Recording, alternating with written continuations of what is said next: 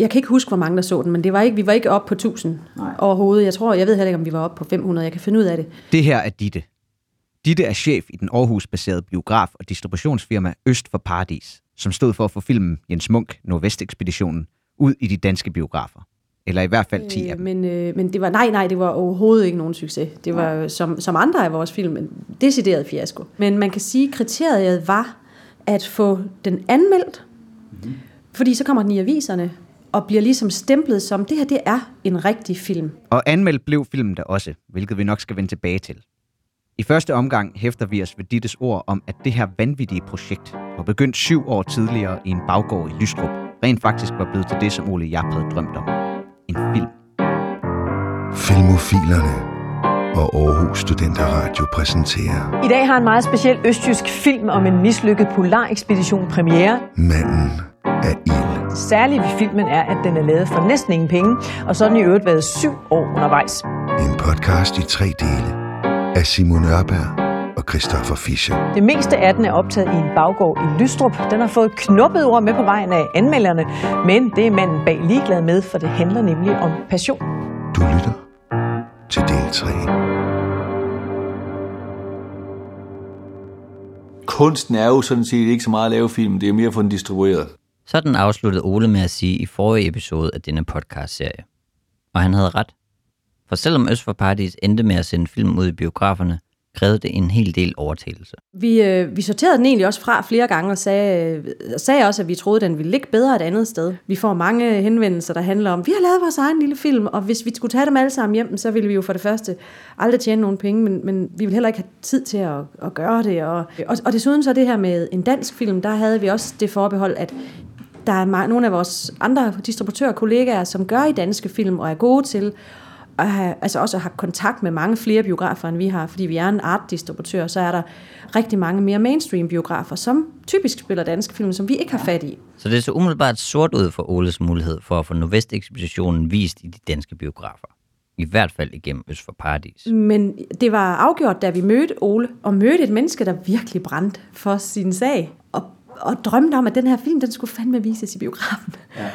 Og så tænkte vi, jamen det, øh, det gør vi sgu. Det gør vi.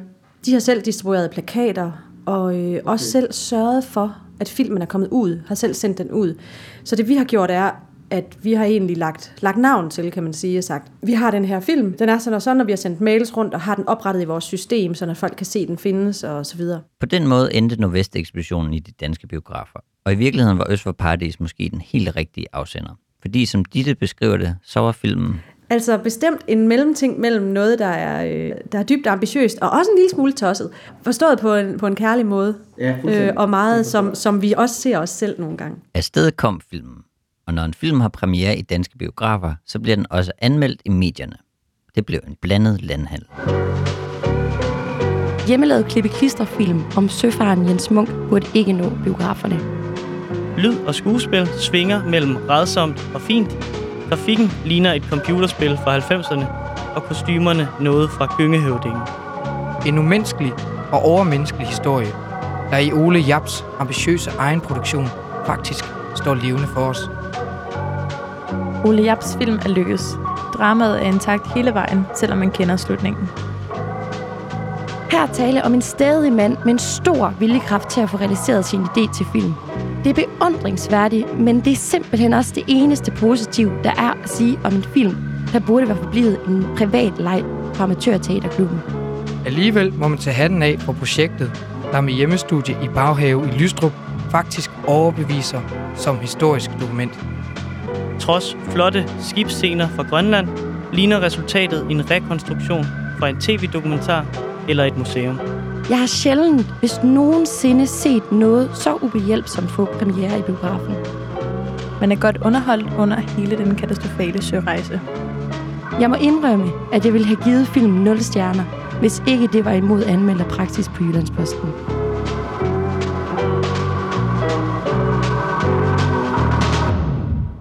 Og hvad kan vi så lære af det? Ikke en disse.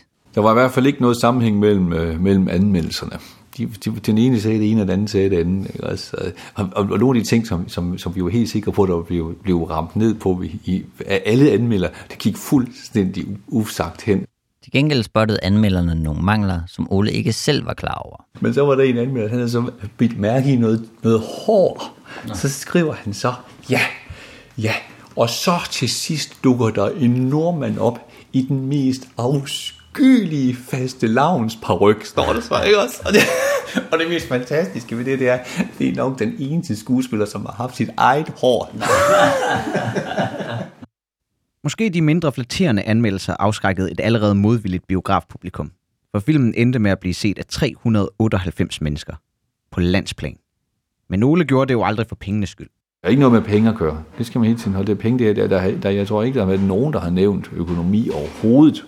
Det er først efter filmen den er færdig, hvor, hvor, hvor det er sådan blevet et emne, der bliver diskuteret. øh, Men ikke, ikke dem, der har været med. Det har været en stor fest. En opfattelse, som Ditte fra Øst for Paradis deler med Ole. Det er svært kun at måle succes i kroner og øre, og i det her tilfælde giver det slet ingen mening. Ole brugte altså syv år på at lave en film, som blev set af under 400 mennesker, og som han ikke tjente det store på. Og når man spørger ham, om det var svært eller udfordrende, så svarer han bare, Men jeg tror aldrig nogensinde, at man, at man ser på, ikke på sådan noget her som en udfordring. Det, øh, det har jeg aldrig tænkt på. ingen udfordringer i et syvårigt projekt. Ja, det virkelig passe. Var der tidspunkter, hvor du var ved at give op på projektet? Nej, nej, nej, aldrig. Nej, nej, jeg, nej, nej, overhovedet ikke. Ole er altså ikke en mand, man let kan tage modet fra. Hverken på arbejdet med Nordvestekspeditionen, eller i livet generelt. Som da han tog på ferie i 10 dage i Malaysia og endte med at arbejde i Fjernøsten i tre år. Han har altså en meget umiddelbar tilgang til livet, der gør, at vi i løbet af den her podcast er blevet helt utroligt fascineret af Ole Jap. Ikke kun som filmskaber, men som person. Jeg, jeg, jeg kan slet ikke forstå det. Fuck, hvor var det godt. Ah, hold kæft, hvor var det godt. Det var en helt vanvittig oplevelse. Her har vi lige interviewet Ole for første gang. Men okay, hvad? Vi er mildest talt op at køre. Fandme, vi har Vi har snakket, snakket i i- en halvanden time, tror jeg. Den glæde og entusiasme over Oles væsen og arbejdsfilosofi blev vi også mødt af hos samtlige personer, vi har interviewet til podcasten. Hvem er Ole Jap? Han er en energisk og meget, meget, meget målrettet mand. Han er fandme nede med en galskaber. Han er ukulig. Han er optimistisk. Stor kunstner, sød, sød mand, crazy, brilliant. Og så er han jo sådan en fantast og en visionær og et af de mest energiske mennesker, jeg nogensinde har kendt. Han er lige noget for mig, fordi at, øh, han er sådan en legebarn, som bare trumler derudad. Han er, en, øh, han er ambitiøs og, øh, og viljestærk og karismatisk. En inspiration. En rigtig unik, meget speciel mand. Meget speciel mand. God ven. Men øh, jeg synes, Ole han inkarnerer den der energi, som man har, når man er ung. Efter jeg set, så filmen, så, så, så kunne jeg nok ikke helt adskille øh, hovedpersonen i filmen og Ole fra hinanden, fordi det er en, der vil noget, der bare vil det her tossede projekt. Altså, Ole havde selv været Jens Munk, hvis han havde levet i 1600-tallet. Det må man sige. Det er, der er jo nok virkelig en grund til, at han spiller hovedrollen selv også. Det var også en af Oles få øh, klausuler i det hele, da vi begyndte på det. Han sagde ligesom, jeg ville rigtig gerne spille ham selv, og jeg tror, at det havde Ole helt ret i, fordi han kendte ligesom den karakter. Den der karakter, der bare får et helt mandskab med sig ombord på en vanvittig rejse. Den rigtige Jens Munks rejse var selvfølgelig mere højdramatisk end Oles rejse med filmen. Sidst vi hørte om ham, altså den rigtige Jens Munk, var hans Nordvest-ekspedition fejlet. De to skibe var frosset fast i Hudsonbugten, og alle besætningsmedlemmer på nær Jens Munk og to andre var døde. Vores hushistoriker Torbjørn fortsætter, hvor han slap. Det er jo den her historie med, at de tager to fuldt udstyrede skibe afsted, og der kommer et skib hjem, ført af tre mand, efter at have været så afkræftet af sygdom. Så to af dem simpelthen lå uden for skibet i, jeg ved ikke, nogle dage eller uger, fordi de ikke havde kræfter til at komme tilbage ombord. Altså de, de, sejler, de her tre mænd sejler simpelthen det lille skib hele vejen hjem over Atlanterhavet året efter. Og så da de kommer til Norge, fordi det, jeg tror nok det er Bergen, de kommer til, efter de sejler over Atlanten, så bliver de arresteret. Og Jens Munk og hans to mænd bliver arresteret, angiveligt fordi de her to mænd, hans, hans, de har sikkert også været rimelig vanvittige øh, af at have været væk, væk fra den her tur i to år. Åbenbart har slået en anden menneske ihjel. Så Jens Munk bliver også, øh, fordi han er ligesom deres chef, ikke, så bliver han også øh, arresteret, men han bliver så frikendt igen. En imponerende bedrift at sejle et skib tre mand over Atlanten. Men at blive arresteret i Norge var nok ikke den heldige modtagelse, som Jens Munk kunne have drømt om. Men det lå måske aldrig i kortene for ham at blive helt. Og alle folk synes, han er en idiot og en drømmer og en fantast. Men han gør det alligevel, fordi han er så stålsat. Og så får han presset det igennem. På en måde, det er jo nærmest også historien om historien, altså på sådan en metaplan, så er det vel også sådan, at den blev til med Ole, som, som simpelthen øh, drømte, at det her, det kunne lade sig gøre på en eller anden vanvittig måde. Og så med tilpas nok ilhu og begejstring, så kan man jo få øh, hvad som helst til at lade sig gøre. Så, så det er, er sådan, det endte med at blive en, en film. Det var virkelig det mulige kunst. Det mulige kunst. Hvis der er et begreb, der opsummerer Oles virke, må det være det. Han bruger, hvad han har til rådighed inden for mulighedernes grænser til at skabe, til at sætte noget i verden. Og mulighedernes grænser sætter han selv. Spontant og til sydenheden uden bekymringer. Og sådan har han åbenbart altid været. Da vi var der i det hus, kunne jeg simpelthen mærke, hvor Ole han kommer fra. Oles gode ven Gorm har selv været i Oles barndomshjem. Han kommer simpelthen fra en opvækst, hvor du ikke sådan fik særlig meget nej. Men på den gode måde. Vi kender jo også børn, der aldrig får nej. De er frygtelige. Man har lyst til at smide dem ud i kloakken. Ikke? Men her snakker vi simpelthen om nogle forældre, som da Ole og hans bror vokser op, beslutter sig for, at hele deres baghave, den skulle fyldes med sand. Så er det bare en stor sandkasse. Okay.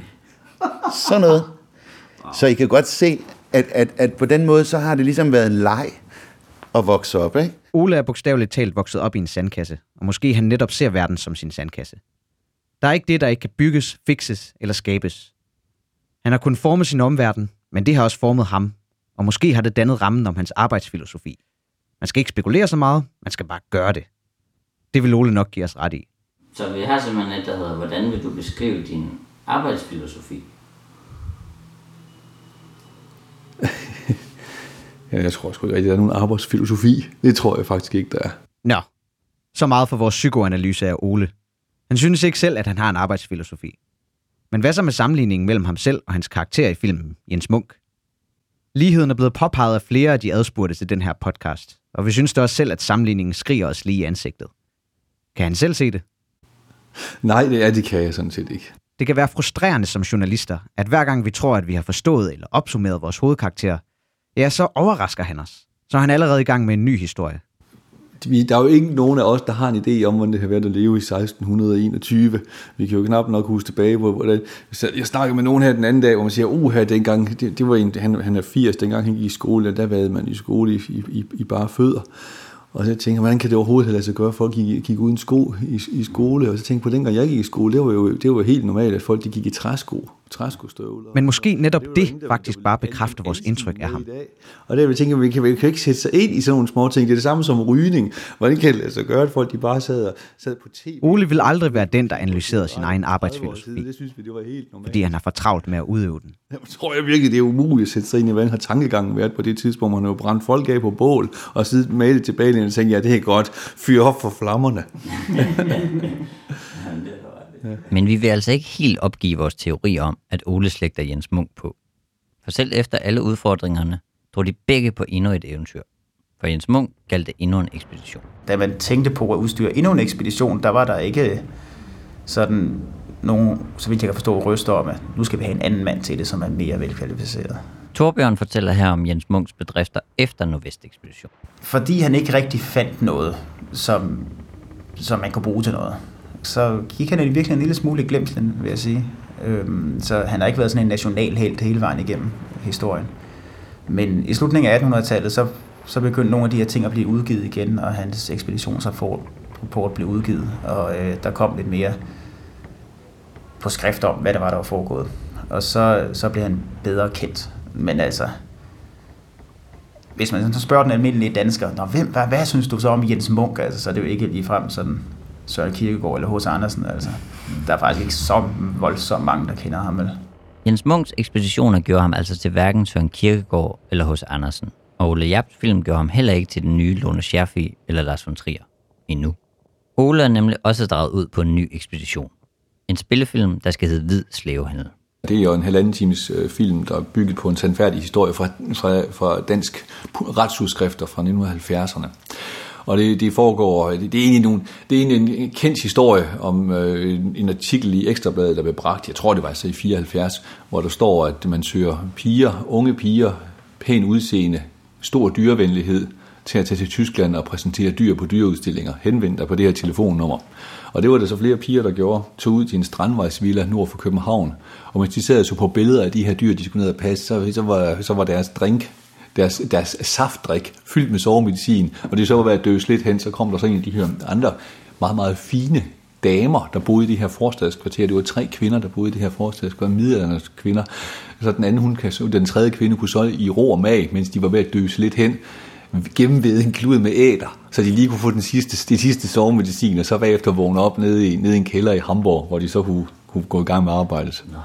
Og det er hele den historie, øh, og, og hvordan det danske politi, de, øh, de optrævlede den her, den her historie. Okay. Ja, den, den er også god. Den lyder god, men den er altså ikke premiereklar endnu. Billedsiden er færdig, alle effekterne er færdige, og så filmen ligger der i halvanden times længde med tekster og, og, og alle alle, alle color grading, som er nødvendigt. Så den er, den er færdig. Dialogen, dialogsporet er der. Der mangler nogle dialoger, der skal dobbes, fordi det er til at have med at gøre. Det er det største arbejde, der mangler, det er alle, alle ambienslydene, alle eftersynkroniseringslydene. Døre, der åbner, døre, der lukker. Ole ved om nogen, at den slags tager tid. Nu har det jo gentaget fem år at komme her til de 80 procent. Og de, og de sidste, de sidste 20 procent, dem siger jeg helt til, det tager et halvt års tid. Og det føler jeg også, det gør, men det sagde jeg altså også for et halvandet år siden. så det, det, det, det, det, det er noget dertil, hvor det er, det er aften- og natarbejde, der, der gør den færdig. Vi hæpper på dig, Ole. Men der er også noget, vi lige skal have afklaret om en film, som Ole er involveret i. Hvad med den her hvide slæver? Ja, den er jeg skrevet. Okay. Ja. Og instruktør? Ja. Producer? Ja. Vil du spille det med? Ja. Klipper du? Ja. Perfekt. Så kan det ikke blive bedre. Nej. Det lader til, at Ole altid vil være Ole. Og så længe han er det, så vil folk stå i kø for at få lov til at være med. Vi har spurgt vores medvirkende, om de vil arbejde sammen med ham igen. Absolut, han skal bare ringe. Han skal da bare ringe. Ole, ring til mig. Ja, hvis jeg blev spurgt, så ville jeg gerne. Ja, det kunne jeg bestemt. Det, er- jeg synes, jeg synes, det er faktisk er trist, at det er tusind år siden, vi har snakket sammen. Så længe Ole han har lyst til at lege, så leger jeg gerne med i hvert fald. Lejen fortsætter for Ole ude i Lystrup, og det er præcis sådan, Ole vil have det. Nogle vil kalde ham en galskaber, nogle vil kalde ham en fantast. Vi har kaldt ham manden af ild, og vi håber, at I har nyt historien om Ole og hans film.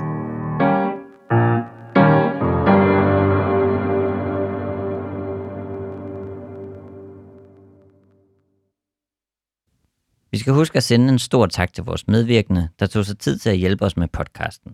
Der var historiker og museumsinspektør Torbjørn Torp, der fortalte os om den virkelige Jens Munk. Personligt kan jeg jo godt undre mig lidt over, at næsten alle dør, men lige præcis at han overlever. Hvad, hvad, hvad, hvad er han gjort, ikke? Altså, Ditte Dagbjerg Christensen fra Øst for Paradis, der var med til at distribuere filmen. Men, men filmen har fået en ærlig chance, og det havde den fortjent. Filminstruktøren Nikolaj Pfeiffer, der arbejdede på manuskriptet med Ole. Man tænker jo altid, når man starter, at man kommer til at lave verdens bedste film. Og at man, der er aldrig nogen, der kommer til at lave verdens bedste film. Der var Simon Eilenberger, der spillede drengen Erik. Så gik der jo hvad? Tre, fire år nærmest, tror jeg, hvor de jeg ingenting hørte overhovedet. Og skrev så til Ole Japp og spurgte, "Nå, men hvordan med filmen, hvordan går det? Musikeren Gom Bull, der var kong Christian den 4. Nu må jeg skulle lave min, min egen plade med min egen musik. Og Kim Larsen spiller jo ikke mine sange, så hvorfor skal jeg spille hans sang? Brian Patterson som skurken William Gordon. Bare prøve at, at altså, med, med fantasi at sætte mig i det, som man gør, ikke? I think it's called acting. Sidst, men absolut ikke mindst, skal vi selvfølgelig takke hovedpersonen Ole Japp, som har skabt en film, der ikke minder om noget andet i dansk filmhistorie. Vejen derhen var usædvanligt lang, og uden Ole ved roret er det nærmest umuligt at forestille sig, at de overhovedet ville være noget i land. Men uanset hvor imponerende en bedrift det må sige at være, så er det ikke Oles plads i dansk filmhistorie, som bekymrer manden selv. Ej, der tror jeg bare, jeg skal huskes for, at jeg var en god far. Det var fint. Så er jeg godt tilfreds. Anmeldelserne blev læst op af Mette Ries Jensen, Sofie Ronau, Karl Emil Sarko Bøje og Morten Overgaard. Musikken er skrevet og indspillet af Christian Kruse. Han har også stået for mixing. Vi vil også gerne takke Aarhus Studenter Radio for lån af udstyr.